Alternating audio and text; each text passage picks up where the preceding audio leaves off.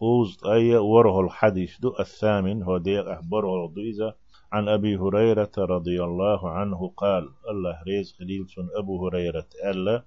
قال رسول الله صلى الله عليه وسلم يلشنو ألا من حسن إسلام المرء. قيونخشن إسلام ديك خلرخا خز خلرخا يخيل مد يزر خلرخا دو تركه ما لا يعنيه. شي بال بوتك شي غوق دوتك تعدي تر. اديوق يتصغير تر. إذا بس قيونخشن إسلام خيل مد يزر خلر بلغلويو دنيا هي هرتعشين إيش دار شمان يقص غيرتر حديث حسن دو إذا خز حديث رواه الترمذي.